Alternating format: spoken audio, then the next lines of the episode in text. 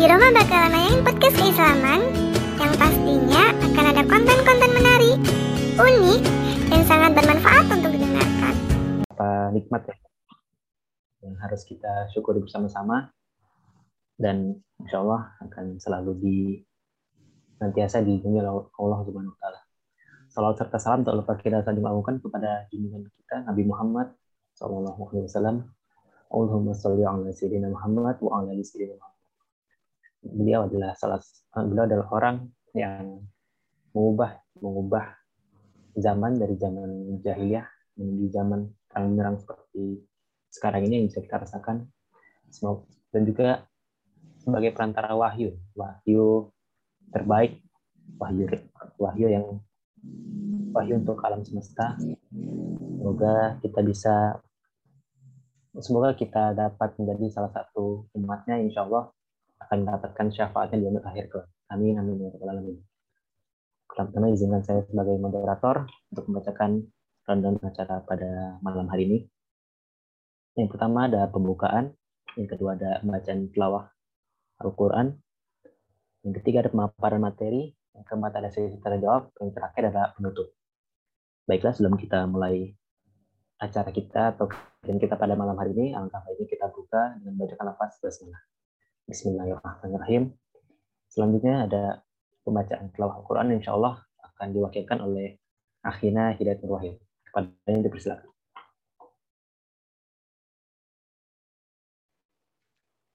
Cek, cek. Mohon maaf sebelumnya, apakah suara sudah terdengar jelas?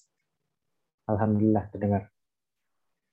Oke, baik. Eh, bismillahirrahmanirrahim. Assalamualaikum warahmatullahi wabarakatuh. Bagi yang ingin menyimak, bisa dibuka Quran Surah An-Nisa dari ayat 105 sampai ayat 110. A'udzu billahi minasy syaithanir rajim. Bismillahirrahmanirrahim. Inna anzalna ilaikal kitaba bil haqqi litahkuma bainan nasi bima arakallah bima arakallah wa la takun lil khainina khasima. Wastaghfirillah innallaha kana ghafurar rahima ولا تجادل عن الذين يختانون أنفسهم إن الله لا يحب من كان خوانا أثيما. يختص يستخفون من الناس ولا يستخفون من الله. ولا يستخفون من الله وهو معهم إذ يبيتون ما لا يرضى من القول وكان الله بما يعملون محيطا ها أنتم هؤلاء جادلتم عنهم في الحياة الدنيا فمن يجادل الله عنهم يوم القيامة أم من يكون عليهم وكيلا ومن يعمل سوءا أو يظلم نفسه ثم يستغفر الله يجد الله غفورا رحيما صدق الله العظيم Wassalamualaikum warahmatullahi wabarakatuh.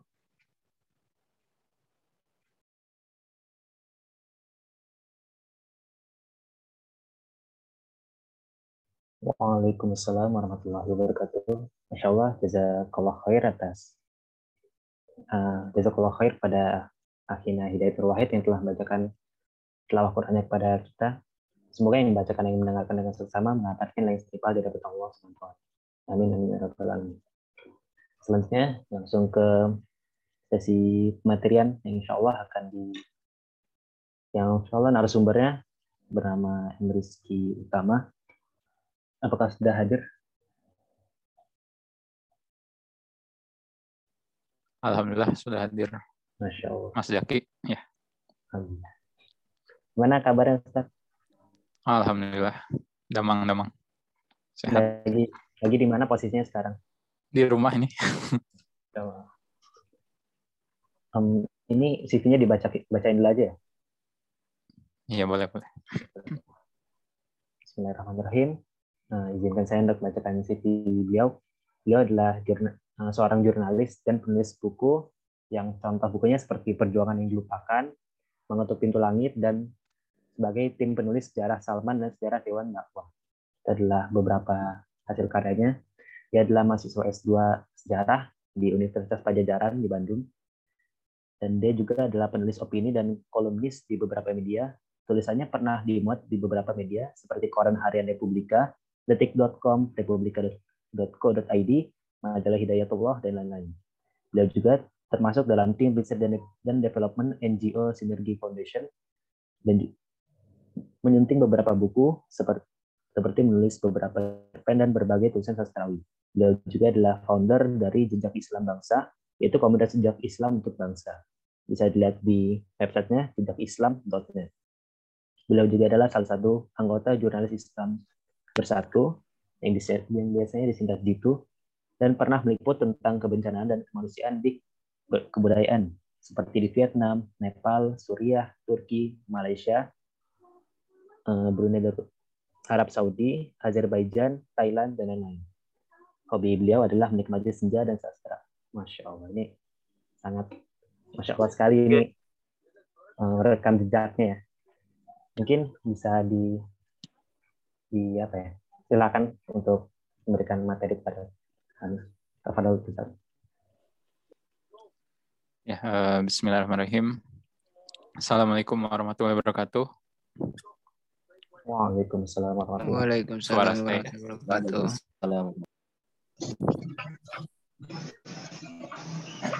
Ya, uh, Bismillahirrahmanirrahim.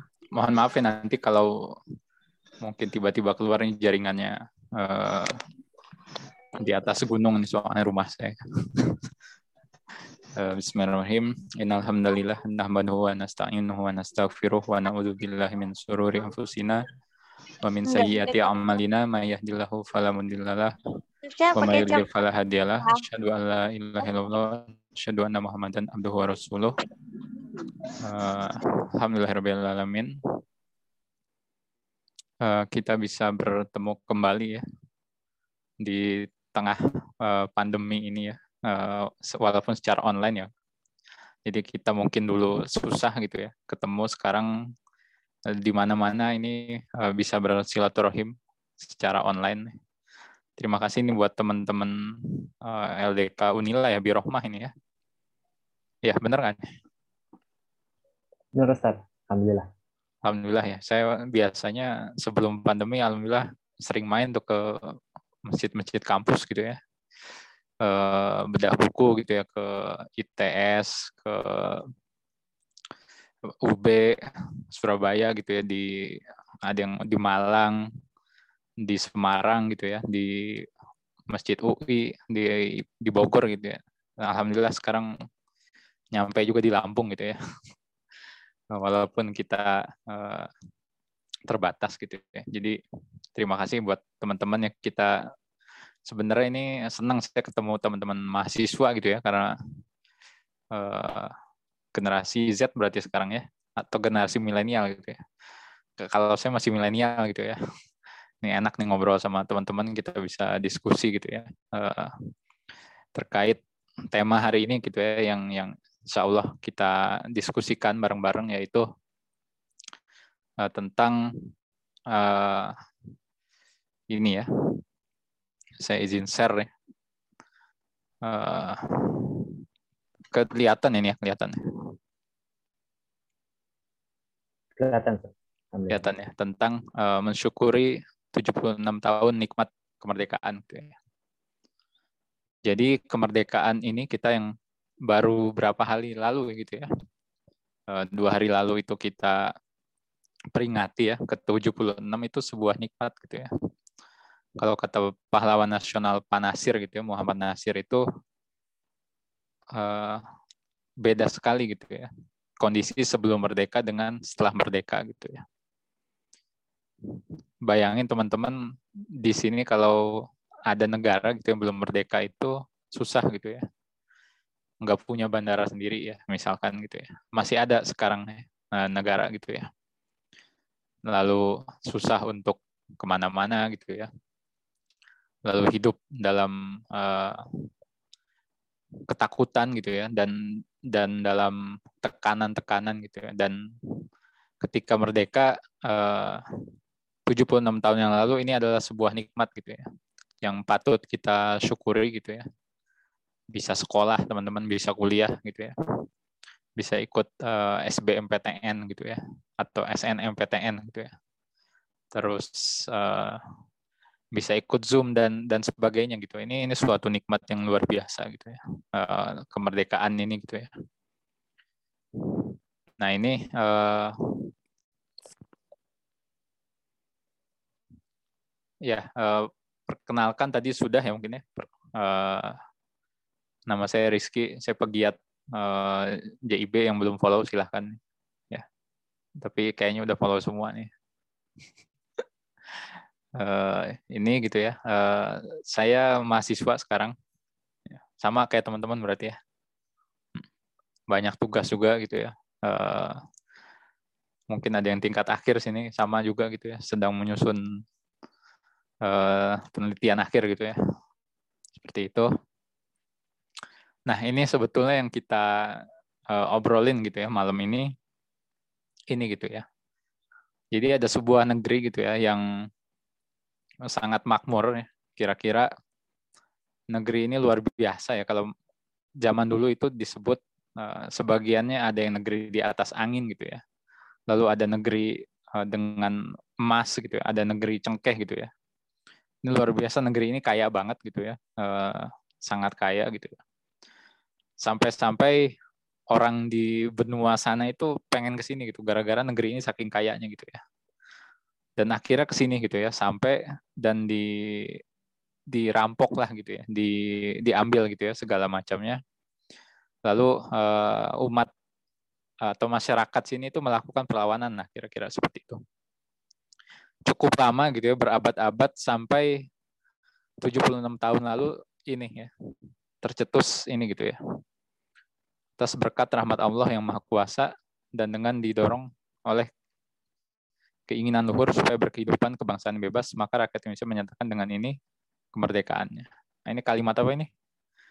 Uh, ada yang masih baca ini waktu SD SMP masih ya? Ya. SMA masih Ustaz. Masih ya. Jadi uh, ini kita baca dulu di upacara gitu ya. Nah, ini yang menarik gitu ya, bahwa menyatakan kemerdekaan ini atas berkat rahmat Allah gitu ya. Nah, jadi ini yang yang sangat menarik sekali sebetulnya gitu ya di, di dalam negara kita gitu ya, bahwa kita merdeka itu atas berkat rahmat Allah yang Maha Kuasa gitu ya. Dan dengan didorong oleh keinginan luhur supaya berkehidupan kebangsaan yang bebas ya. Jadi ada konsep atas berkat rahmat Allah dan dengan didorong keinginan luhur gitu ya.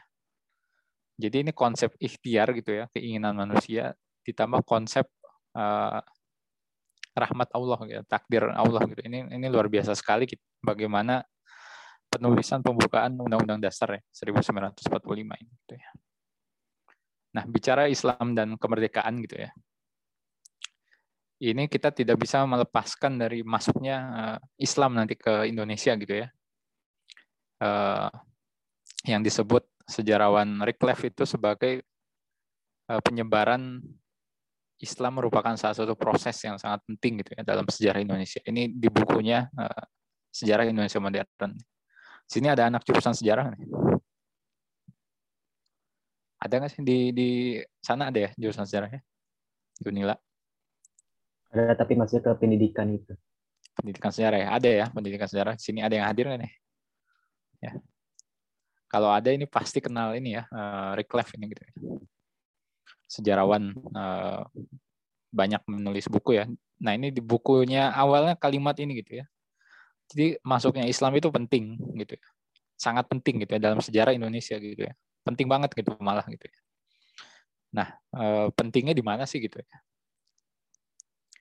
uh, sebelum itu kita tadi ya sejarah Islam masuk Indonesia itu sangat penting. Nah, kenapa kita membahas sejarah sekarang ya? Sejarah kemerdekaan gitu ya, kita bahas kenapa gitu ya. Karena dalam sejarah itu, ya kalau kita belajar sejarah gitu ya, kalau saya diajarin sejarah guru-guru saya di kampus gitu ya, itu untuk pembelajaran ya salah satunya gitu ya. Uh, maksudnya gimana sih pembelajaran? Maksudnya uh, contohnya gini dah. Sekarang lagi ada uh, pandemi kita ya uh, sedang di tengah pandemi dan alhamdulillah kita masih bisa bersilaturahim gitu ya. Nah pandemi ini kira-kira baru ada sekarang apa dulu juga kira-kira? Dulu juga udah ada Ustaz. Udah ada kan dulu ya. Nah ini ini sejarah namanya gitu ya. Dulu juga terjadi. Ya. Nah apa yang kita bisa ambil pelajaran gitu ya? Nah misalkan gitu ya, saya pernah nulis di detik itu tentang vaksinasi gitu ya sejarah vaksinasi masuk ke Indonesia ke Hindia Belanda gitu ya. Nah, eh, waktu itu waktu masuk itu ada gerakan penolak vaksin gitu ya. Nah, anti vaksin itu ada gitu. Nah, itu terjadi juga sekarang gitu ya. Kira-kira seperti itu. Nah, kalau kita melihat zaman dulu bagaimana orang akhirnya penyakit cacar waktu itu berkurang gara-gara vaksinasi gitu ya. Dan apa yang dilakukan supaya berhasil dan itu bisa dipakai di zaman sekarang sebetulnya gitu ya, pembelajaran itu ya. Contohnya gitu ya. Pertama, ketika vaksin masuk ke Hindia Belanda itu ya di di Indonesia ada anggapan kalau divaksin itu dicap eh, anak kecil dimasukin sesuatu zat yang nanti kalau dewasa akan menjadi pendukung Belanda. Nah, kira-kira itu ada ada anggapan seperti itu. Nah, zaman sekarang juga mungkin ada yang kalau di vaksin itu ada chip gitu atau atau apa gitu. Nah, itu terjadi lagi gitu.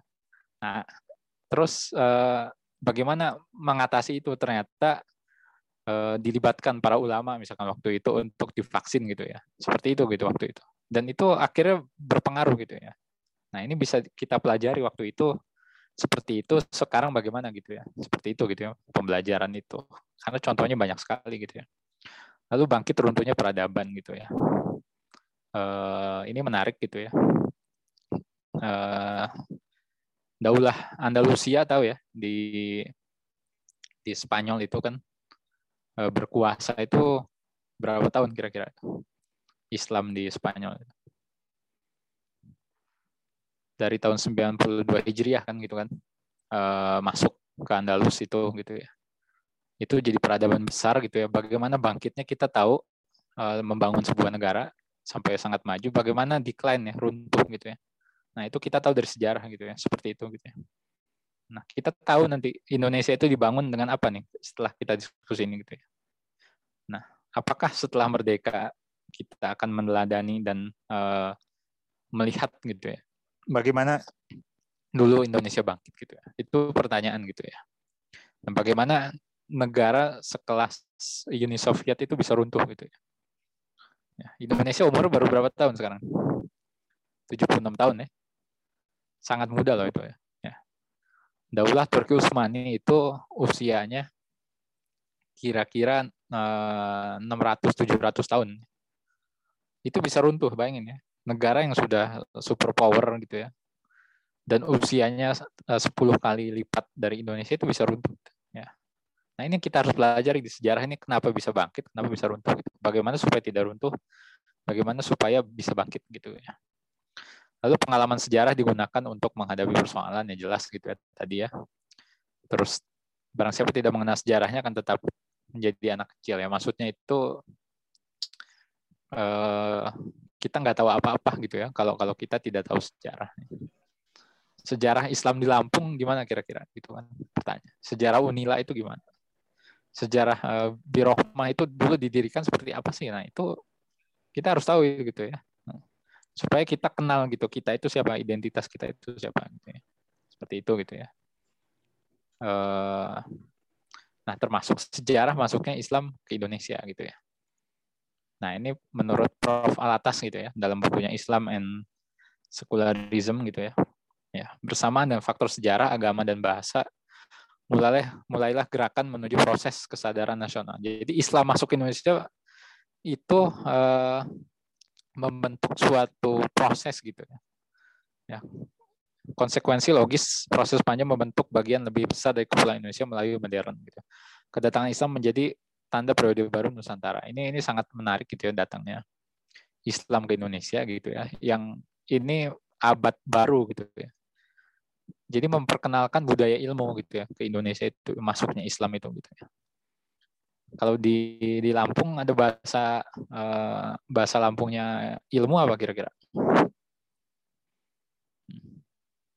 Ada nggak? Atau bahasa Lampungnya akal apa? Bahasa Lampungnya akal. ya. Jadi kita ini Islam itu membawa sesuatu gitu, suatu konsep gitu masuk ke Indonesia itu konsep ilmu gitu kan, konsep adil, konsep adab, konsep hikmah yang nanti akan mewujud dalam Pancasila kita itu gitu ya. Seperti itu gitu ya. Ini menarik gitu ya. Eh, bahasa Arab ini menjadi bahasa Melayu gitu ya di di di dijadikan bahasa Melayu gitu ya. Konsep-konsep kunci Islam itu masuk gitu ya. Eh, bagaimana ketika Islam masuk ilmu itu berkembang luar biasa gitu ya seperti itu. Nah ini kan di di Indonesia gitu ya. Nah, ada beberapa teori ya masuknya Islam misalkan ada yang dari Gujarat, ada yang dari Arab di sini gitu ya, ada yang dari Cina malah dan dan sebagainya gitu ya. Uh, seperti itu gitu. Jadi ketika uh, Islam masuk itu uh, ini menurut Kahin ya uh, bukunya gitu ya jadi itu sangat penting sekali masuknya Islam ke Nusantara itu gitu ya. Jadi agama Islam bukan hanya satu ikatan biasa, tetapi simbol kelompok gitu ya, untuk melawan pengganggu asing gitu ya, dan penindas suatu agama yang berbeda. Ya, jadi ini dua nih kalau kata Kahin. Pertama itu untuk perlawanan terhadap pengganggu asing gitu ya. Yang kedua kesatuan bahasa Melayu gitu. Ini ini menarik ya bahasa Melayu ini gitu ya tahun berapa saya beberapa kali itu ke daerah Patani gitu ya di Thailand Selatan itu ngobrol masih nyambung tuh pakai bahasa Melayu gitu ya. Kalau Malaysia jelas lah gitu ya. Kalau teman-teman main ke tadi ya Thailand Selatan gitu ya. Saya ada beberapa fotonya gitu ya. Pengumumannya itu pakai huruf Jawi itu di di atasnya itu gitu. Jadi zaman dulu itu nah bahasa Melayu ini yang yang yang menarik gitu ya dia dari Aceh misalkan sampai ke Papua itu menggunakan bahasa Melayu gitu ya. Dan ini uh, kontribusi Islam gitu ya. Jadi dia menjadi salah satu faktor penting gitu ya pemersatu Nusantara ya. Dari Sabang sampai ke Merauke gitu ya. Nah, ini kan lebih dari 90% ya Islam gitu ya, seperti itu. Lalu eh, ketika penjajah itu masuk gitu ya maka faktor Islam inilah yang menggerakkan masyarakat ya. Jadi muncul hikayat-hikayatnya para penulis hikayat, lalu ulama juga bikin tulisan gitu kan. Uh, Syekh uh, Abdul Somad uh, Al Palimbani dan terus uh, Syekh Yusuf misalkan. Abdul Rifai Kali Salak dan sebagainya gitu ya. Lalu perang Jawa ya di Ponorogo gitu ya. Nah di Ponorogo berperang untuk apa sih gitu kan? Pertanyaannya itu ya untuk apa kira-kira uh, Pangeran Diponegoro itu berperang? Ada yang masih ingat nggak pelajaran? Ada ada yang mau ini? Jawab jawab.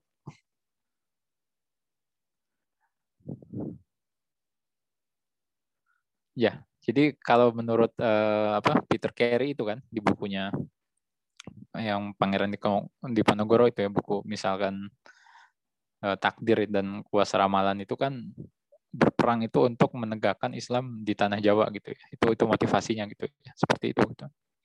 Nah, ini sampai menguras 20 juta gulden gitu ya. Belum lagi 15 ribu pasukan Belanda ini tewas gitu ya. Gara-gara perang ini. Ini digerakkan oleh uh, Islam gitu ya, seperti itu gitu ya.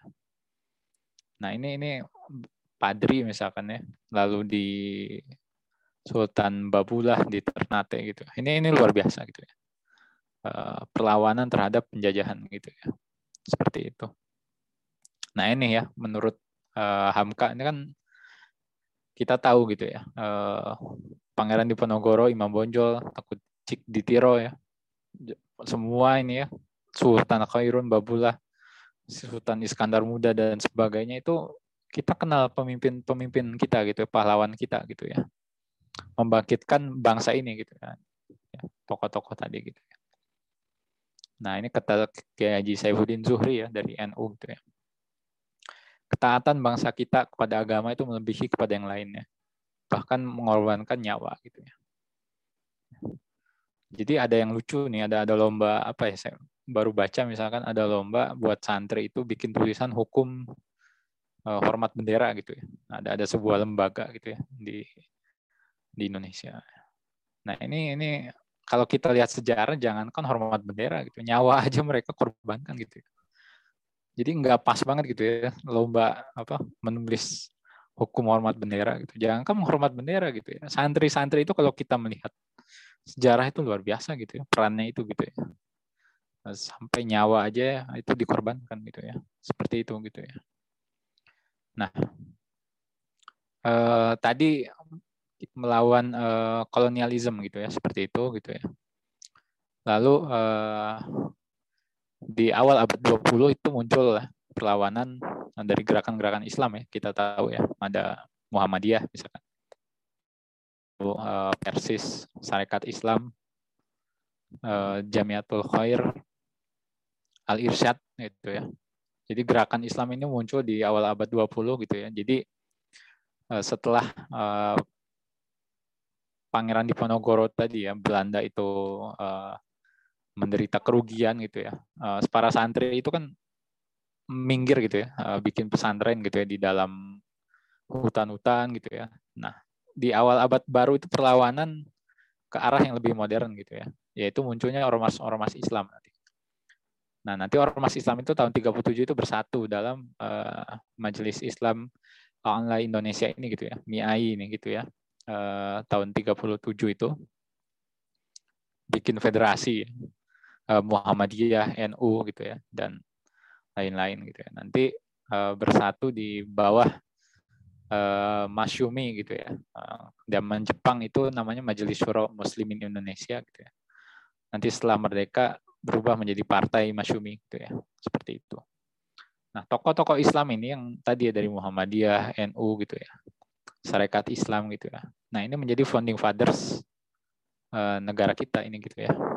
Ya, ini Profesor Abdul Kahar Muzakir gitu ya dari Muhammadiyah, Kiai Wahid Hashim uh, dari NU gitu, Haji Agus Salim ya dari Sarekat Islam awalnya gitu ya, lalu Abi Kusno, uh, Cokro Suyoso juga gitu ya. Nah ini yang kita pelajari dulu kan taunya ini aja nih ya, sebagian ini gitu ya. Pada ada Ahmad Subarjo misalkan, ada Muhammad Yamin kita tahu lah ya. Ini ini luar biasa nih tokoh Abdul Kahar Muzakir ini gitu ya seperti itu Haji Agus Salim gitu ya. Nah ini ini para pendiri bangsa kita gitu ya. Uh, jadi uh, singkatnya gitu ya di awal abad 20 dari ormas Islam Jepang gitu ya. Nah Jepang membentuk uh, eh, BPUPKI kan. Uh, Badan Pendidik Usaha Persiapan Kemerdekaan Indonesia. Tanggal uh, bulan Mei bersidang itu gitu ya. Nah ini saya tulis di buku saya gitu ya, di cerita tentang ini gitu ya, jejak Islam dalam konstitusi eh, negara kita gitu ya. Yang kita tadi dibuka dengan atas berkat rahmat Allah yang Maha Kuasa dan dengan didorong oleh keinginan luhur supaya berkehidupan yang bebas maka ya menyatakan dengan ini kemerdekaannya itu gitu ya. Jadi eh, mereka inilah gitu ya eh, berpidato nanti gitu ya Nah, pidatonya seru gitu ya. Kalau lihat risalah BPUPK itu seru banget.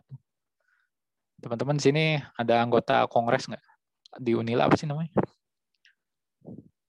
IPM. Senator ya. Senator itu apa namanya? IPM. IPM. Nah, iya. Saya dulu pernah di S1 di kampus itu senator saya di kongres itu kan. Kayak apa kerjaannya bikin ini apa aturan gitu kan. Ini TPB ini bisa milih uh, presiden BEM apa enggak gitu kan. Nah ini kayak gitulah kira-kira ya.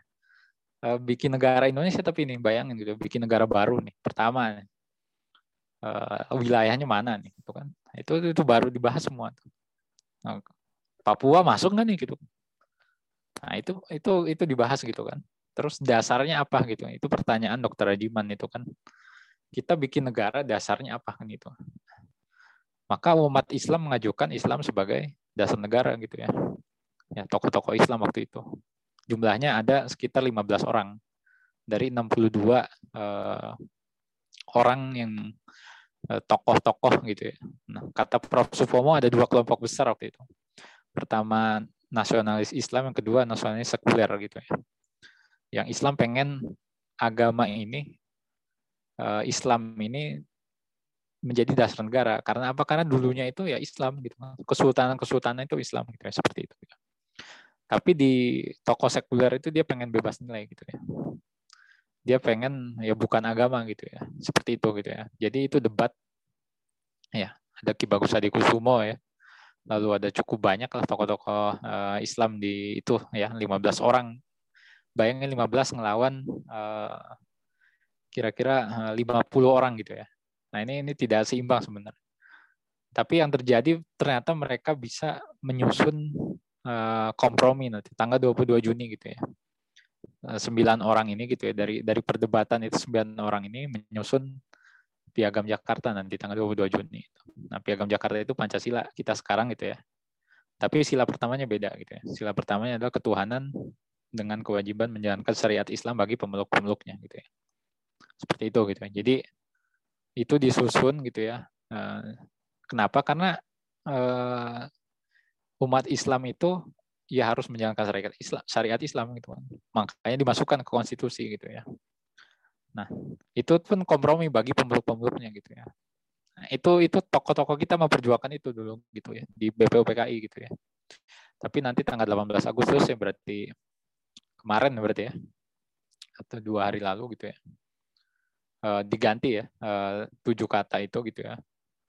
Uh, jadi ketuhanan yang maha esa ya seperti itu gitu ya. Dan itu juga kebesaran uh, hati umat Islam ya untuk mengganti itu. Ini pembahasannya detailnya nanti hari Ahad ya JIB akan mengadakan ini ya seputar tujuh kata ini gitu. Teman-teman bisa ikut nanti. Sepakatan ya. Nah ini disebutkan gentleman agreement ya. Ini orang yang sepakat nih gitu ya. Uh, seperti itu gitu. Jadi uh, tanggal 22 Juni itu sidang eh, apa uh, merumuskan dasar negara oke. Okay. Dasar negara kita adalah uh, Piagam Jakarta gitu ya. Yaitu sila pertamanya ketuhanan menjalan eh, dengan kewajiban menjalankan syariat Islam bagi pemeluk-pemeluknya gitu. Sila keduanya sama sampai kelima itu sama. Nggak ada perubahan. Itu dasar negara kita gitu ya. Itu dibawa ke sidang uh, tanggal 11 Juli gitu ya. Nah, itu dibawa ke forum yang lebih tinggi tadi di 62 orang itu. Nah, itu terjadi debat lagi, nggak sepakat gitu ya. Latu hari itu uh, tokoh Kristen nggak sepakat tuh gitu ya. Dijawab sama Haji Agus Salim nggak ada masalah gitu ya. Seperti itu gitu. Lagian syariat Islam itu hanya buat umat Islam itu, seperti itu. Nah, Ki Bagus Adikusumo nggak sepakatnya kebalikannya gitu ya. Bagi pemeluk-pemeluknya itu nggak usah gitu ya, di, dicoret aja gitu. Pokoknya syariat Islam aja gitu. Nah, kata uh, Haji Agus Salim ini udah gentleman agreement, udah kesepakatan pokoknya gitu. Nggak bisa diotak-atik lagi. Nah, Soekarno pun sama bilang ini kesepakatan. Nah, uh, karena kesepakatan ya sudah gitu ya. Akhirnya negara kita oke okay, disepakati tanggal uh, eh, 17 Juli itu ketok palu bahwa dasar negara kita adalah Piagam Jakarta ya. Uh, atau Pancasila gitu ya. Tapi sila pertamanya uh, kewajiban menjalankan syariat Islam gitu. Nah itu gitu ya. Lalu yang kedua misalkan uh, presiden gitu. Nah dibahas juga presiden itu karena sila pertamanya kewajiban menjalankan syariat Islam gitu. Ya. Kira-kira agama lain bisa eh, menjalan, menerapkan syariat Islam apa enggak gitu kan pertanyaan. Enggak bisa kan gitu kan. Maka presiden harus orang Islam itu konsekuensi logis. Nah, itu ditulis gitu di pasal 6 uh, eh, Undang-Undang Dasar 1945 gitu ya. Seperti itu. Lalu uh, pasal 29 itu negara uh, berdasarkan Islam gitu dan uh, agama lain dilindungi. Itu itu tercatat tercatat gitu ya di di situ gitu ya. Dalam sidang gitu gitu ya. Tapi nanti tanggal 18 Agustus oleh PPKI ya, uh, panitia persiapan kemerdekaan Indonesia itu dihapus ya pasal-pasal yang berbau Islam itu dicoret gitu ya. Seperti itu ya. Tapi alhamdulillahnya uh, kalau kita lihat Pancasila sekarang gitu ya, itu nilai-nilai Islam ya, banyak di sana gitu ya. Sila kedua itu kan adil dan adab gitu ya. Nah itu konsep Islam gitu ya. Mungkin di agama lain nggak ada kali ya adil sama adab itu ya. Konsepnya seperti apa? Gitu. Nah maka ini di konstitusi kita ini ya melahirkan Pancasila gitu ya. Seperti itu. Lalu itu kan setelah merdeka gitu ya. Nah, setelah merdeka ini rupanya masih banyak ya. Eh, ketika Jepang itu masih di Indonesia gitu ya. Lalu sekutu datang gitu ya. Nah, Belanda ini nggak terima gitu ya. Eh, Indonesia itu merdeka gitu. Belanda itu baru menerima nanti uh, bulan Desember 1949 KMB gitu. Nah, dalam jeda itu ada perang gitu ya. Nah, dalam perang itu umat Islam terlibat ya luar biasa gitu ya. Ini di kedaulatan rakyat ya 60 juta kaum muslimin Indonesia siap berjihad gitu ya. Nah, kalau sekarang radikal nih ini? Bikin mural kayak gini coba teman-teman ya. Di ini apa? Di tembok ya di kampus gitu ya. siap berjihad melawan korupsi misalnya gitu ya. Dihapus nggak tuh nanti ya? Coba cek ya kalau mau coba deh gitu ya. Hmm. Nah ini ini masuk gitu ya uh, umat Islam siap mempertahankan negara yang sudah diproklamasikan gitu ya tanggal 17 Agustus gitu ya. Nah, terus ini ini di Indonesia nah media asing nyebutnya gini apa? Muslim fanatik gitu ya. Uh, fight in Surabaya gitu ya. Religious leaders in charge against tanks gitu. Waduh ini bahasanya gitu ya eh, pemimpin agama gitu kan langsung ulama nih maksudnya gitu ya. Jadi tanggal 22 Oktober itu ya NU itu kumpul di Jawa Timur mencetuskan resolusi jihad ya hukumnya fardu ain ya. Nah, teman-teman kalau di zaman sekarang itu diajak uh, ini berangkat gitu ya. Uh, kita pikir-pikir gitu ya waktu itu diserukan hukumnya fardu ain gitu ya. Dalam radius uh, safar itu 83 km gitu ya. Itu hukumnya wajib uh, setiap orang untuk berjihad gitu ya. Dikeluarkan resolusi itu gitu ya. Kebayang nggak sih zaman dulu gimana gitu ya. Kalau sekarang kan tiktokan kita ya. Uh, apa udah enak lah gitu ya. Ini ini mempertahankan negara ini luar biasa gitu ya. 22 Oktober gitu ya. Nah, tanggal 7 sampai 8 November. Semua umat Islam itu berkumpul di Yogyakarta. Bikin uh, sebuah partai namanya Partai Masyumi gitu ya, partai terbesar waktu itu gitu ya. Yang hadirnya dahsyat ini, kayak Haji Wahid, uh, Wahid Hashim, Muhammad Nasir, Prawoto Mangkus Sasmito, Ki Bagus Adikusumo, Haji Agus Salim, uh, Ki Haji Hasim Asari, ya Cuman ini lagi pada sibuk untuk ke Surabaya nih karena uh, pasukan sekutu itu kabarnya akan sampai di Surabaya gitu ya. Nah, tanggal 10 November ya kita tahu hari pahlawan gitu ya. Nah, itu habis itu apa Kongres Umat Islam namanya ya, di Yogyakarta itu uh, mengeluarkan keputusan menguatkan resolusi jihadnya NU gitu. Namanya itu uh, resolusi perang Sabil gitu ya. Nah, itu juga dikuatkan gitu ya. Nah, laskar-laskar itu berangkat ke Surabaya. Ini nih beritanya gitu kan.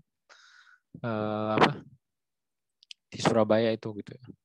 British tanks in Surabaya with uh, 1000 or more Muslim troops charging into a deadly. Jadi bayangin ribuan orang uh, syahid gitu ya. Ini ini dahsyat sekali gitu ya. Umat Islam itu ya. Yeah. The Indonesian often were led into the fighting by Muhammadan religious ya, leaders gitu. Ya. Islam itu sebut sama dia Muhammadan gitu ya. Orang-orang Barat itu kayak gitu gitu ya. Um, ini ajarannya Muhammad gitu ya, Islam itu. Jadi ini bertanggung jawab ini ulama ini itu. Ini jelas sekali loh di di New York Times gitu ya. Uh, ulama ya berpengaruh gitu ya. Lalu Hizbullah Sabilillah gitu ya. Ini Pak Masyumi bikin sayap militer gitu ya, Laskar. Nanti itu jadi TNI ini, sebagian masuk ya, jadi tentara resmi gitu ya. Seperti itu. Lalu Hari Pahlawan 10 November. Dan ini yang paling menarik nih, PDRI. PDRI kita tahu ya, udah belajar kan ya sejarah PDRI itu. Pemerintah darurat uh, Republik Indonesia di Bukit Tinggi, di Halaban nanti pindah-pindah hutan gitu ya, seperti itu. Nah ini tokoh Islam nih yang yang apa menggerakkan PDRI gitu ya. Jadi tahun 48 agresi militer Belanda kedua itu Soekarno Hatta itu ditangkap ya di Yogyakarta. Semua ditangkap nah, kecuali Safrudin lagi di uh, Sumatera. Nah, Safrudin ini tokoh Partai Masyumi gitu ya. Inisiatif dia bikin ini gitu ya. Nah, kata Safrudin sebetulnya dengan kewenangan itu saya presiden Indonesia gitu ya. Jadi presiden kedua ini ini Syafruddin Prawira Negara gitu ya. Seperti itu ya ini jarang tercatat gitu ya. Nah, tadi masa revolusi itu masih terus sampai perang itu terjadi gitu. Ya. Nah, sambil perang juga sambil diplomasi gitu ya. Ada namanya Liga Arab. Nah, Liga Arab ini juga mendukung Indonesia nanti ya di tahun 46, 47 dan sebagainya gitu ya. Nanti Liga Arab uh, ngirim utusan. Teman-teman kebayang nggak sih Indonesia kan baru merdeka nih bayangin ya dia harus diakui sama negara lain gitu ya. ya. Nah sekarang lagi ramai misalkan Taliban gitu ya. Nah, Taliban itu kan ngirim utusan ke luar negeri kan sampai ke Indonesia ketemu itu eh, ke Jakarta dan sebagainya gitu. Nah bayangin ini yang yang yang datang itu utusan yang mau ngakuin ini ini fotonya gitu ya. Uh, Muhammad Abdul Munim ini gitu ya ketemu ini Sri Sultan Hamengkubuwono gitu ya ke sembilan gitu. Datang jauh-jauh dari Mesir, konsul Mesir gitu ya. Jadi sebelum ke Indonesia, dia pegang tangan istrinya gitu kan. Uh, sayangku katanya gitu ya. Dikasih amplop gitu kan. Kalau saya nggak balik lagi, dibuka aja deh amplop. Bayangin. Ini ini belum pernah ke Indonesia nih, negara baru. Nggak tahu di mana gitu ya. Tapi dia datang jauh-jauh bayangin. Ya untuk menyatakan solidaritas bahwa kita itu tidak pernah sendiri gitu ya. Nah Soekarno itu di pidatonya nyambut Abdul Munim bilang antara Arab dan Indonesia itu punya uh, hubungan yang kuat yaitu Islam gitu. Kita lihat tadi ya Islam uh, melawan kolonialisme, konstitusi, masa perang dan juga diplomasi luar biasa ya. Nah, datangnya juga bertaruh nyawa kan dikejar-kejar pesawat kan sampai di Jogja gitu ya. Nah, Indonesia nggak punya pesawat nih. Akhirnya ikut numpang ngomong ke Abdul Munim gitu kan sekalian ngaji mumpung. Uh, oke deh kita juga ikut balik deh. Ini nyawa pesawat dari Singapura kan gitu. Ikut sampai ke Mesir gitu ya. Kata kata pilotnya uh, apa ya udah silahkan gitu ya. Ternyata ikut utusan 20 orang gitu kan. Nah, itu nggak muat pesawatnya ternyata gitu. Terus gimana ini gitu? Kata orang Indonesia ya kami kurus-kurus kok nggak gendut gitu ya. insya Allah bisa lah gitu kira berangkatlah gitu nah kita tahu di buku sejarah uh, ikut konferensi interasia di New Delhi. Nah itu gara-gara ini nih Abdul Munim itu ya pesawatnya dari situ gitu ya nanti kita tahu uh, Haji Agus Salim gitu ya ke Mesir nah ini juga dapat pengakuan kedaulatan pertama ya oleh Mesir seperti itu. Itu luar biasa sekali. Lalu ada konferensi Asia Afrika juga uh, kita terlibat gitu ya. Ini luar biasa. Gitu ya. Nah itu itu secara umum gitu ya seperti itu peran tokoh-tokoh kita gitu ya. Nah ini integritasnya tokoh-tokoh Islam gitu ya seperti kayak gimana sih? Nah ini, ini siapa ini? Saprudin Prawira Negara. Nah ya ini uh, Syafruddin Prawira Negara. Presiden kedua ya kalau kata uh, novelnya Presiden Prawira Negara gitu ya. Nah ini Menteri Keuangan yang nggak punya uang. Ya. Jadi Menteri Keuangan bayangin anaknya itu uh, masih bayi gitu ya nggak punya popok dia harus ngerobek spraynya gitu ya karena nggak punya uang padahal dia posisinya menteri keuangan gitu ya ini tokoh uh, Partai Masumi gitu ya, seperti itu. Ini Haji Agus Salim sampai meninggal nggak punya rumah ya. Menteri luar negeri. Ya.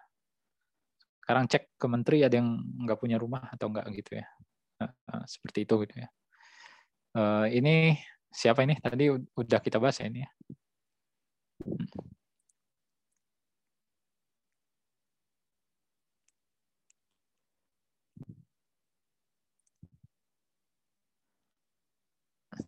Ada yang ini tahu siapa ini?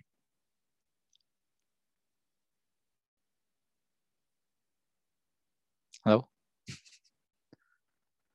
Ya ini tadi ya, Kiai Haji Abdul Kahar Muzakir. Perumus Pancasila. Ini sama, nggak punya rumah, bayangin ya, yang yang bikin Pancasila gitu ya. Eh, dia akhirnya tinggal di rumah orang tuanya Haji Muzakir.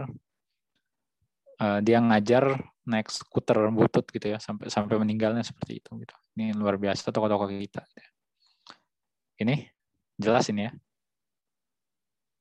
Kiai Haji Wahid Hashim, anak Kiai Haji Hashim Asari.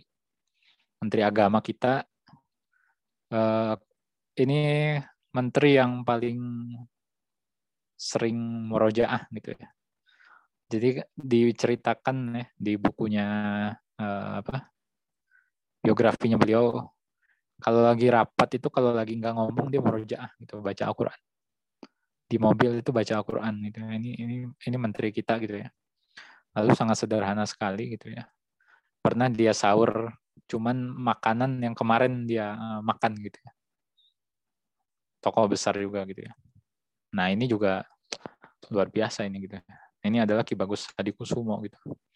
Anggota BPPKI, anggota dewan tapi uh, ke mana-mana naik kendaraan umum. Terus dagang batik juga gitu. Bayangin ya ini ini tokoh paling penting sebetulnya dalam uh, apa penentuan Pancasila gitu. Yang menafsirkan bahwa ketuhanan yang Maha Esa adalah tauhid gitu. ini adalah Ki Bagus Hadikusumo ini kita tahu Kiai Haji Hasyim Asyari pendiri Nahdlatul Ulama sangat sederhana sekali rumahnya kecil gitu ya. Uh, kalau kita ziarah gitu ya, ke Tebu Ireng ini uh, barokahnya luar biasa, nggak berhenti berhenti orang berziarah gitu ya di sana gitu ya. Nah hartanya itu yang paling berharga kitab-kitabnya gitu ya. Beliau bertani juga gitu. Ya. Ada ketua Majelis Syuro Partai Masyumi ini gitu ya. Ini Kasman Singodi Mojo ya.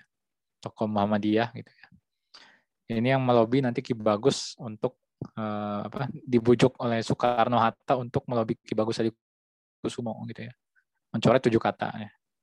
Nah ini Kasman adalah uh, jaksa agung pertama Indonesia gitu ya tapi sangat sederhana sekali nanti seperti itu.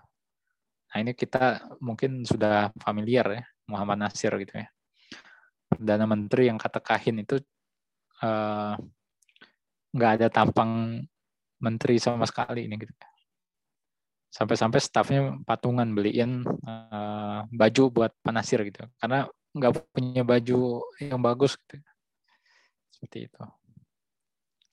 Nah, itu tadi tokoh-tokoh kita ya, tokoh-tokoh pendiri kita, the founding fathers are men of ideas and thought gitu.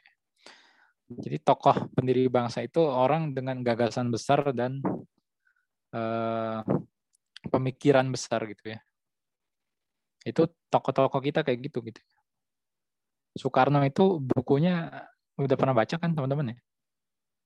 Tulisan-tulisannya ya. Hmm, ini ini luar biasa loh ini presiden nulis buku itu gitu.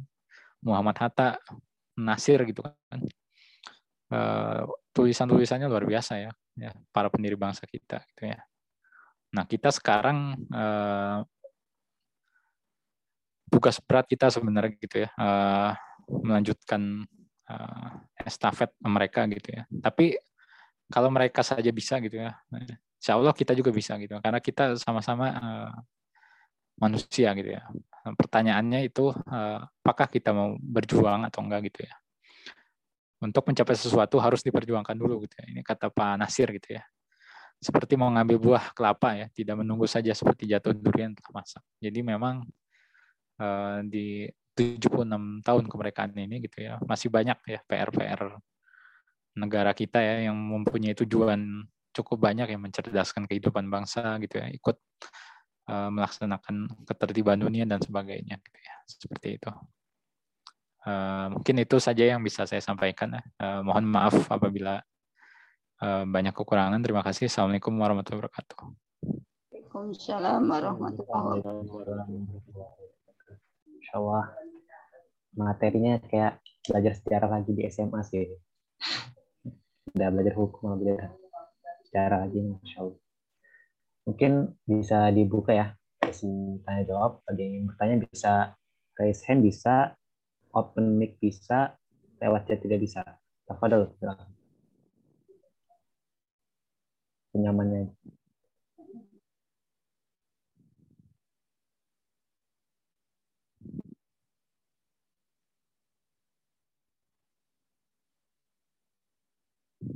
Diskusi aja lah kan, diskusi. Ada yang pengen mengungkapkan pendapat gitu.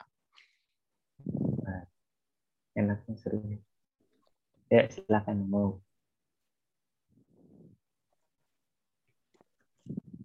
Uh, izin bertanya boleh? Kasih. Oh, silakan. Kak Adi. Bismillahirrahmanirrahim. Assalamualaikum warahmatullahi wabarakatuh. Waalaikumsalam. Perkenalkan diri, nama saya Adi Nugraha Putra dari Ilmu Komputer 2018. Izin bertanya ke Kak Rizky. Uh, saya pernah membaca ya, Kak, jadi partai PRRI, eh Partai Masyumi itu pernah dibubarkan sama Presiden Soekarno itu tahun 1960 kalau nggak salah. Uh, karena diduga mendukung pemberontakan PRRI. Nah, uh, menurut kakak sendiri alasan dibalik uh, Presiden Soekarno itu membubarkannya itu selain pemberontakan PRRI ataukah uh, apakah ada alasan lain yang mendasari keputusan presiden tersebut gitu. Terima kasih. Itu pertanyaan dari saya. Iya, uh, terima kasih Kang Hadi ya. Jadi uh, tahun 60 gitu ya, uh, dipanggil uh, ketua Partai Masyumi itu Prawoto Mangku Sasmito ke istana gitu ya, uh, disuruh uh, memilih uh, Masyumi itu membubarkan diri atau uh, dibubarkan kira-kira. Gitu. Akhirnya memilih membubarkan diri kan jadinya. Karena apa? Karena kalau dibubarkan dia menjadi uh, partai terlarang gitu ya, dan uh, tidak bisa direhabilitasi gitu ya. Nah kalau kita baca uh, sejarahnya gitu ya, Partai Masyumi ini adalah waktu didirikan di di tiga tujuannya. Pertama satu-satunya partai uh, Islam di Indonesia gitu ya. Dan semua itu ikut ke situ gitu ya. Nah lalu uh, nanti dalam perjalanannya gitu ya uh, NU akhirnya uh, memisahkan diri kan gitu ya di tahun 52 gitu ya. Dan uh, Masyumi itu membubarkan diri di tahun 1960 nah ini Masyumi itu sangat taat uh, hukum sama sekali ya, hukum banget gitu ya. Setelah membubarkan diri dia akhirnya mengajukan ke pengadilan tuh. Uh, apa alasan perintah pembubaran itu gitu ya. Nah itu sampai itu nggak ketemu tuh nggak apa di persidangan itu nggak jelas itu kenapa harus di apa harus dibubarkan gitu ya oleh oleh Soekarno gitu ya seperti itu itu itu sampai di, diajukan berkali-kali banding ada surat-surat uh, Prawoto Mangkusasmito gitu. Nah, itu menarik gitu ya. Artinya memang uh, kenapa Buya Hamka itu ditangkap ini itu pertanyaannya gitu ya. Apakah dia terlibat PRRI kan enggak tuh ya. Isa Ansori kan enggak, tapi tetap di penjara gitu. Muhammad Rum juga gitu ya. Nah, uh, ini yang yang menjadi menarik gitu kalau kita melihat di sini udah udah susah sih ya bukunya ya bukunya JIB ada ya? Udah punya belum teman-teman? Dari kata menjadi senjata itu. Belum ya? Nah, eh, konfrontasi eh, PKI dan umat Islam gitu ya. Nah, jadi uh, Masyumi itu sangat kencang sekali gitu ya terhadap PKI gitu ya. Nah, waktu itu tahun 50-an ya, 58 itu ada PRRI ya di Sumatera gitu ya. Partai Masyumi itu secara resmi itu tidak uh, mendukung PRRI gitu ya, secara partai gitu ya. Karena yang terlibat itu hanya tiga orang petingginya gitu ya. Nah, waktu itu yaitu Nasir, uh, lalu uh, Syafruddin uh, Prawira Negara kan ya sama Pak Burhanuddin ya kalau nggak salah itu juga Pak Nasir ditanya tuh sama Ridwan Saidi gitu ya kenapa Pak Nasir itu berangkat ke Sumatera gitu ya kata Pak Nasir gini anda kalau tahu posisi waktu itu rumah saya itu diancam ya setiap hari itu relawan-relawan PKI itu melakukan teror ke rumah saya. Nah, yang paling memungkinkan itu ya pindah ke ke sana gitu ya di sana. Nah di sana pun gitu ya uh, tujuan Panasir itu bukan untuk uh, apa uh, memberontak gitu ya, tapi uh, disebutkan ya di saya ada bukunya sebetulnya tentang Mas Yumi dan PRRI gitu ya. Nah uh, seperti itu gitu ya. Itu pun untuk melakukan koreksi terhadap uh, rezim otoriter Soekarno waktu itu gitu ya di tahun 50-an gitu ya dan itu uh, namanya juga masih PRRI gitu seperti itu gitu Republik Indonesia masih gitu ya jadi tidak ada uh, dari tokoh-tokoh Islam gitu ya nah yang memang melakukan perlawanan kan tokoh-tokoh militer gitu ya tokoh-tokoh Islam ke sana salah satunya untuk tadi ya menghindari konflik ya waktu itu posisinya PKI nah, nah Mas Yumi sendiri itu tidak secara resmi misalkan mendukung PRRI enggak gitu ya jadi kalau dialamatkan ke Partai Masyumi itu salah alamat sebetulnya gitu ya. Alasan apa eh, Partai Masyumi dibubarkan gitu ya. Nah, tapi kalau melihat uh, apa kondisi waktu itu memang Masyumi ini paling vokal gitu ya. Sangat vokal sekali terhadap PKI gitu. Ya. Jadi PKI itu waktu itu uh, adalah partai keempat uh, pemenang pemilu gitu ya.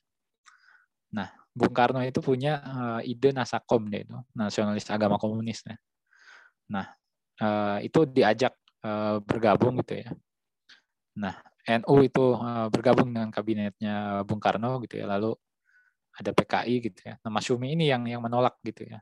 Nah, mungkin itu karena kebebalan uh, Masyumi itu gitulah. Itu yang yang menyebabkan uh, akhirnya Masyumi itu uh, diminta uh, apa dibubarkan gitu ya walaupun akhirnya memilih uh, membubarkan diri gitu ya nah masalahnya kan habis itu ditangkap tangkepin gitu ya uh, apa orang-orang uh, yang gitu ya nah, tapi saya punya kisah menarik nih waktu Panasir itu ditangkap gitu ya kita saya tahun 2016 keliling Jawa tuh wawancara saksi-saksi tentang PKI gitu ya. Nah ada satu orang ketua Masyumi Jawa Tengah Kiai Haji Badawi gitu ya. Dia Pak Nasir itu ngirim surat ke dia gitu ya waktu di penjara itu. Dia ngirim surat minta semua tetap uh, sabar dan tetap berjuang gitu. Itu luar biasa gitu walaupun tokoh-tokoh kita di penjara gitu jadi uh, tetap perjuangan itu walaupun tokoh kita di penjara itu tetap berjalan gitu ya nah ketika Mas Umi bubar apakah selesai enggak gitu ya tokoh-tokoh kita kan katanya kalau dulu kita uh, uh, berdakwah gitu ya dengan politik gitu. Sekarang kita berpolitik dengan dakwah gitu. Jadi walaupun partai itu tidak ada gitu ya, tetap dakwah itu jalan terus. Mungkin seperti itu. Kang Handi. Berarti ini ya Kak, berarti uh, Mas Yum ini cuma jadi bahan kambing hitamnya Pak Karno karena belum ada bukti yang kuat ya. Ya bisa karena, dibilang seperti itu gitu ya. Karena yang tadi Kak Rizky sebutin itu kebanyakan vokal. Ya, kalau kita melihat dokumen di pengadilan misalkan itu tidak terbukti gitu loh Masyumi itu apa salahnya gitu loh kayak Buya Hamka di pengadilan itu bahkan tidak dengan pengadilan malah gitu loh langsung masuk ke penjara gitu nah ini uh, itu kan berulang ya bisa jadi sejarah berulang gitu ya bisa jadi zaman sekarang pun ada atau dikasih surat ormas ini harus bubar itu mungkin saja gitu ya, ya walaupun misalkan tidak melalui pengadilan dan ini memang tidak melalui pengadilan kan gitu Nah, Mas Cumi itu saking taatnya dia terhadap hukum gitu ya. Habis dibubarkan aja dia mengajukan ke pengadilan salahnya di mana sih gitu kan. Dan itu sampai sampai nanti rezim orde baru uh, muncul itu nggak ada nggak ketemu gitu ya. Seperti itu gitu.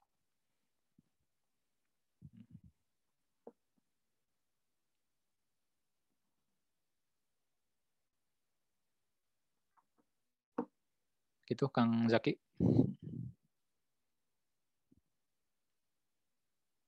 Ya, Masya Allah. Kalau khair atas jawabannya. Semoga bisa uh, terpuaskan atas jawaban tersebut. Ini ada pertanyaan dari di kolom chat dari Mbak Monica AWD. Ini izin saya bacakan. Izin bertanya Kak, dari kajian yang sudah dijelaskan, jelas terlihat bahwa banyak sekali nilai-nilai Islam yang ditanamkan pahlawan dalam sejarah Indonesia. Tapi, kenapa sejarah-sejarah ini seakan-akan tidak dikaji oleh para petinggi sekarang? Rasanya pemerintah tidak berkaca pada masa lalu. Bagaimana para pahlawan menyelesaikan masalah negara dahulu yang tidak lepas dari syariat Islam? Mungkin pertanyaannya. Semoga bisa dijawab. Ya, jadi kalau kita lihat tadi ya, eh, dengan apa Indonesia merdeka kan gitu kan, pertanyaannya gitu ya. Atas berkat rahmat Allah Indonesia merdeka. Maka pertanyaannya setelah Indonesia merdeka gitu kan, ya, apakah Allah masih dilibatkan gitu ya, pertolongan Allah masih dilibatkan untuk mengurus negara ini? Pertanyaannya gitu ya. Nah, jadi memang eh, kalau eh, para pemimpin kita belajar sejarah gitu ya, bagaimana Indonesia menang dulu susahnya diplomasi gitu ya. Ini luar biasa gitu ya, bagaimana tokoh tokoh-tokoh kita dulu tadi ya, uh, kebayang sih uh, Haji Agus Salim itu menteri uh, luar negeri gitu ya. Tapi hidupnya ngontrak-kontrak rumah gitu ya, bayangin gitu ya. Artinya dia punya sesuatu nilai yang dia uh, apa pegang teguh gitu ya. Sampai istrinya itu sedih banget ya Zainatun Nahar itu katanya kan pernah ke kontrakan gitu ya rumahnya itu WC-nya rusak gitu ya. Setiap Desember itu keluar gitu wah nangis itu nah Haji Agus Salim itu menguatkan itu gitu ya. Nah, uh, dihibur itu istrinya gitu. Itu menteri loh gitu ya. Waktu itu ketua uh, wakil ketua PSI wakil ketua partai Islam terbesar gitu ya. Terus hujan bocor rumahnya ini menteri ya. Tokoh-tokoh besar hujan.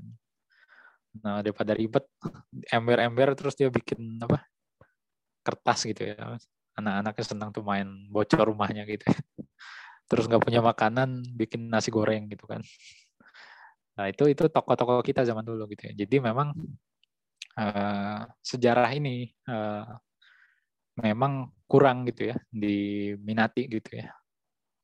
Jurusan sejarah juga uh, kurang. Padahal penting tadi ya kita tahu sejarah itu kan untuk membangkitkan gitu ya. Um, jadi umat zaman dulu aja bisa ya seperti itu ya tokoh-tokoh kita gitu ya. Uh, sekarang nih gini deh ada nggak pemimpin kita misalkan kayak Pak Karno kayak Hatta kayak Nasir gitu ya? Dia juga intelek gitu ya leaders are readers kan gitu kan. Uh, yang namanya pemimpin gitu ya. Dalam Islam itu kan juga uh, intelek gitu ya. Kalau kita melihat zaman Rasulullah gitu ya. Ini Abu Bakar misalkan memimpin seperti apa Umar bin Khattab gitu ya dan dan sebagainya itu. Nah ini yang yang perlu kita gali memang di sini gitu. Itulah PR-nya gitu ya. Bagaimana supaya para pemimpin kita itu senang sejarah gitu ya. Bagaimana petinggi-petinggi negara kita uh, kalau dia sadar sejarah gitu itu nggak bakal ada mungkin korupsi bansos gitu ya. Itu itu dahsyat sekali gitu ya. Bagaimana dulu um, Maria Ulfa itu menteri sosial ya. Nah Pak Nasir itu dulu di menteri menteri penerangan gitu ya. Uh, kata Bu Maria Ulfa itu ada uang uh, pensiun buat menteri keuangan gitu. Eh buat menteri penerangan gitu ya waktu Pak Nasir udah nggak jadi menteri nih. Nah kata Pak Nasir itu nggak usah dikasih uang itu gitu, lebih baik kasih ke staf saya yang lebih membutuhkan gitu. Padahal Pak Nasir itu nggak punya rumah, bang.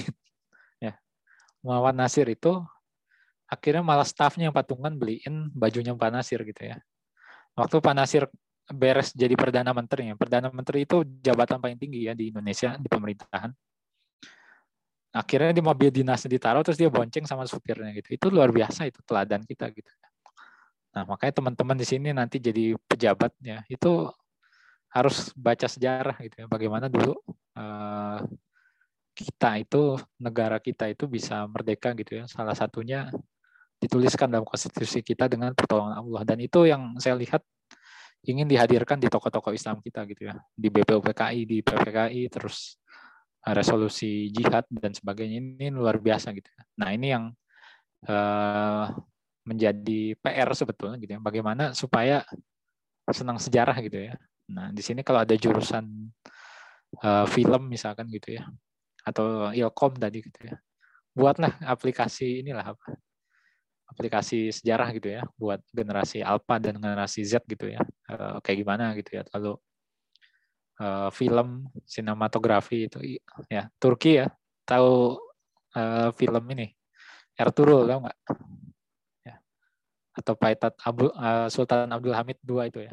Nah, bagaimana sekarang Turki itu lagi mencoba uh, membangkitkan uh, girohnya kembali gitu ya dengan dengan sejarah dengan film tadi itu gitu.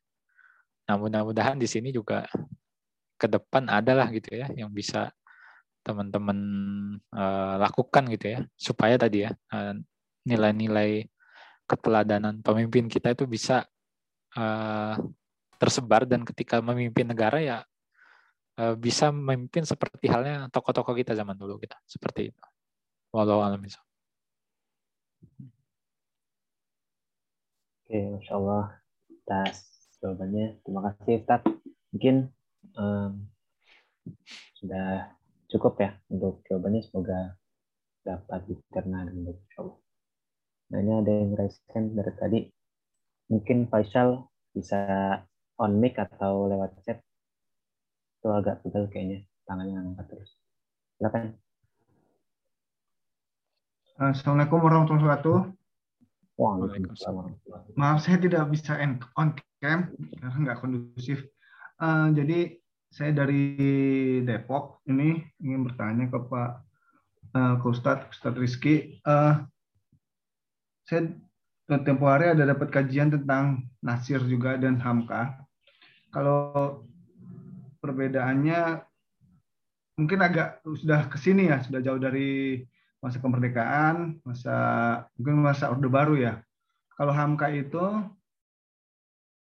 eh, di masa Orde Baru boleh dibilang banyak punya peran kalau Hamka. Hanya aja ketika Nasir itu katanya sulit dia malah tidak dapat kesempatan dari Orde Baru. Mungkin uh, Ustadz Rizky ada referensi apa atau ada penjelasan apa mengenai Nasir ini ketika di Orde Baru. Kenapa dia tidak berkembang? Itu dia. Terima kasih. Assalamualaikum warahmatullahi wabarakatuh. Waalaikumsalam Ya, jadi uh, Pak Nasir itu kan di penjara ya sama kayak Buya Hamka tahun 67 itu keluar gitu ya. Keluar itu karena Orde Lama itu tumbang gitu ya. Nah, eh, saya tahun 2016 ke Madiun itu ke penjaranya teman-teman Masyumi gitu ya yang yang di penjara gitu ya. Gak cuma Masyumi sih, ada ada juga gitu ya.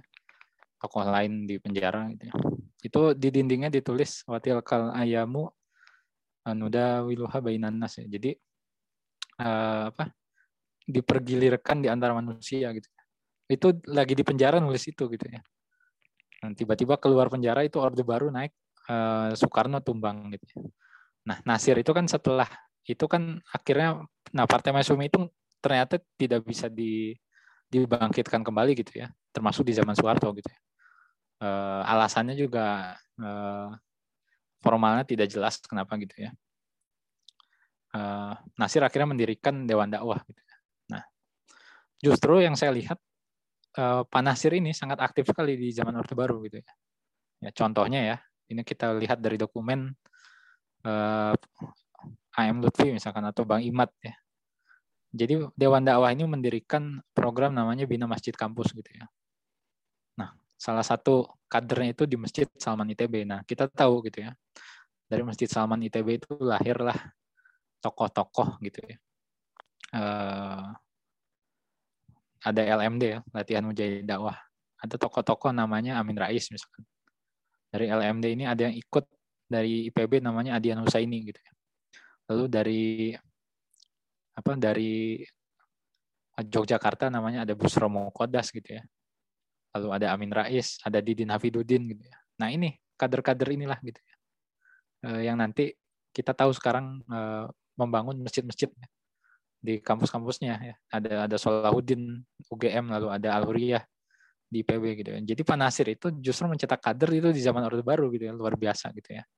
secara pribadi memang uh, tidak muncul gitu ya. Kenapa gitu ya? Karena di tahun 80 itu Nasir ikut petisi uh, 80 gitu ya. Nah, setelah itu dia dicekal oleh uh, Soeharto dibatasi aktivitasnya seperti itu. Jadi uh, apa tidak bisa ini ya. Tapi kalau kita baca majalah Panjimas, Suara Masjid uh, itu itu aktif sekali Pak Nasir gitu ya di Orde Baru itu gitu ya. Tapi bukan uh, di politik memang jadinya memang dia mencetak kader-kader uh, dan itu kadernya banyak ya, ada Bang Imat gitu ya. Salah satunya adalah Cak Nur gitu ya. Uh, Nur Holis Majid gitu ya waktu itu gitu ya. Uh, terus ada uh, Endang Saifuddin Ansori.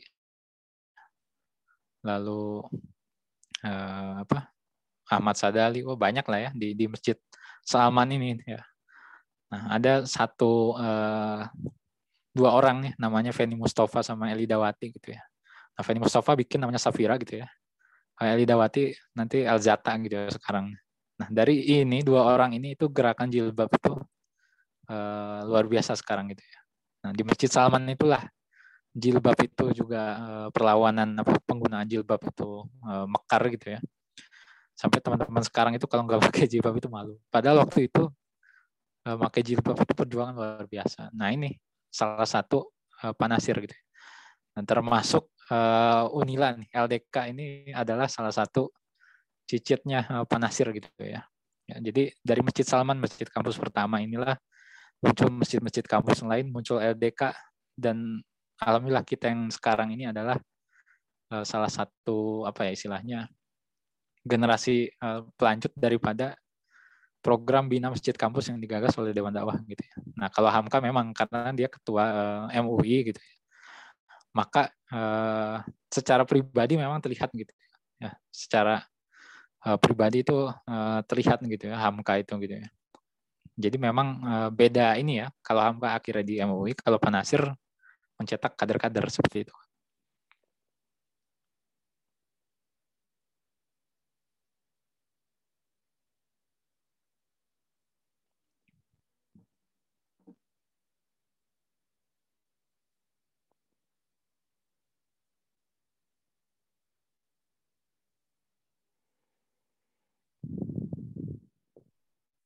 mungkin jawabannya insya Allah sudah cukup memuaskan ya. Semoga bisa diterima dengan baik, insya Allah.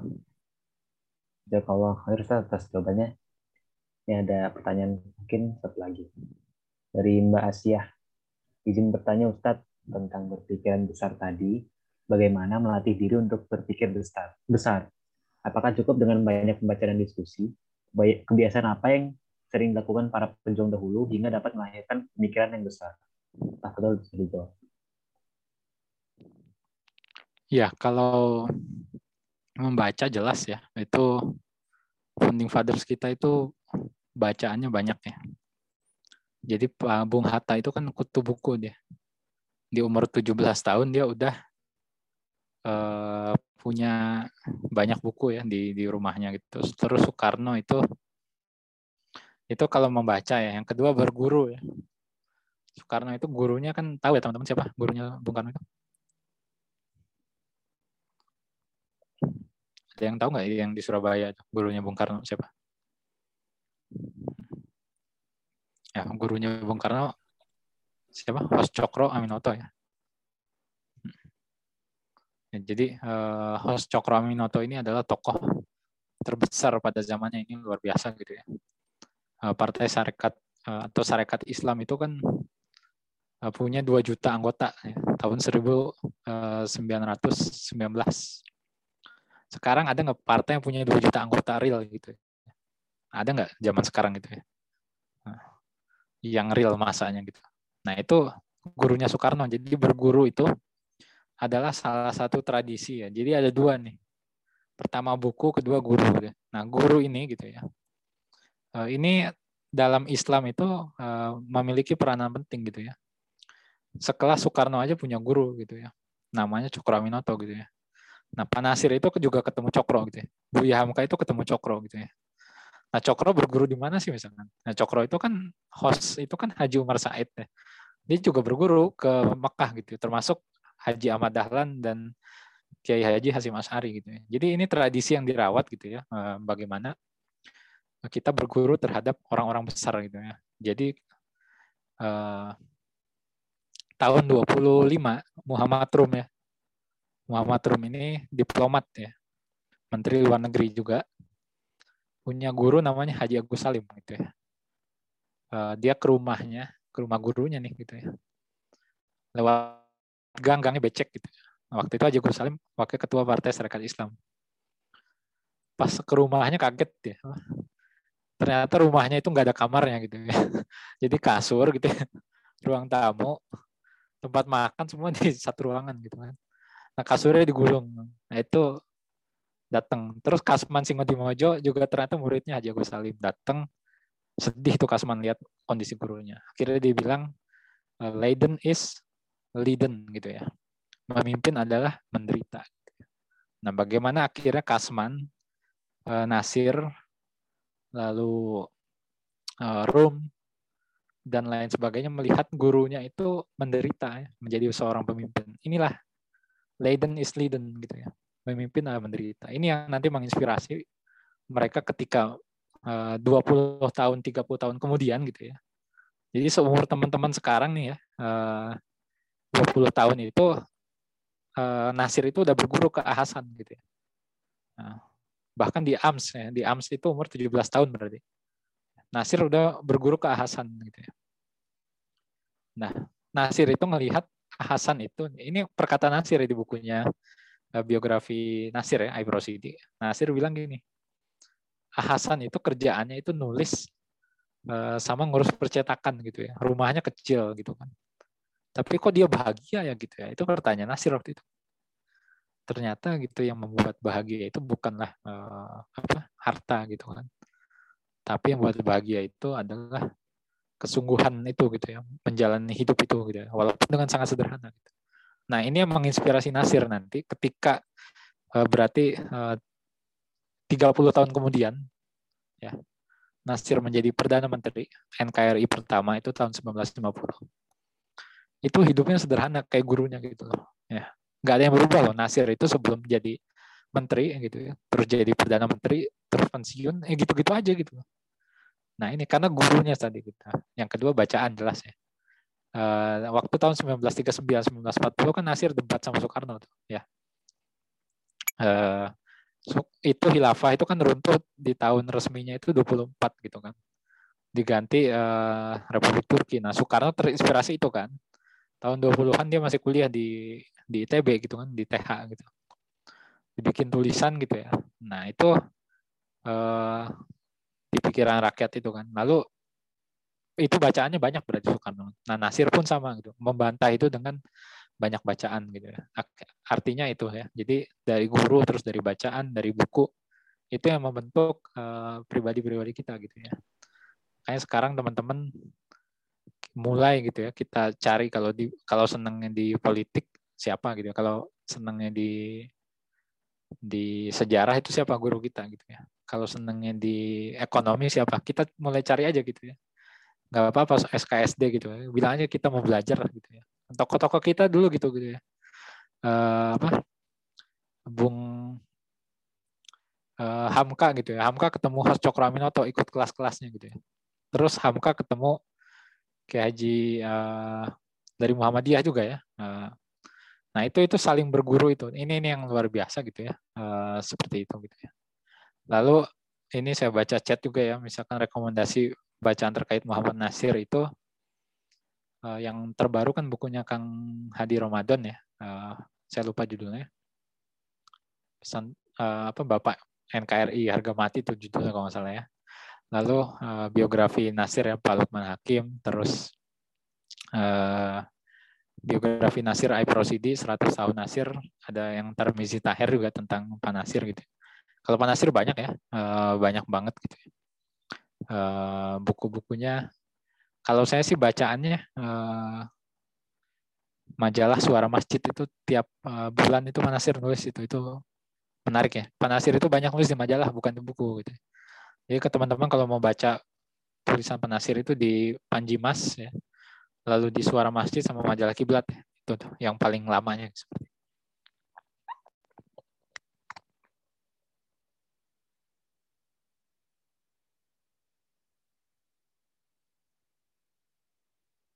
Oke, Masya Allah. Jazakallah khair Ustaz atas jawaban yang telah diberikan. Ini mungkin ada satu lagi, tapi kayaknya udah dijawab. Assalamualaikum Ustadz, boleh minta rekomendasi bacaan terkait Muhammad Nasir? Yang tadi.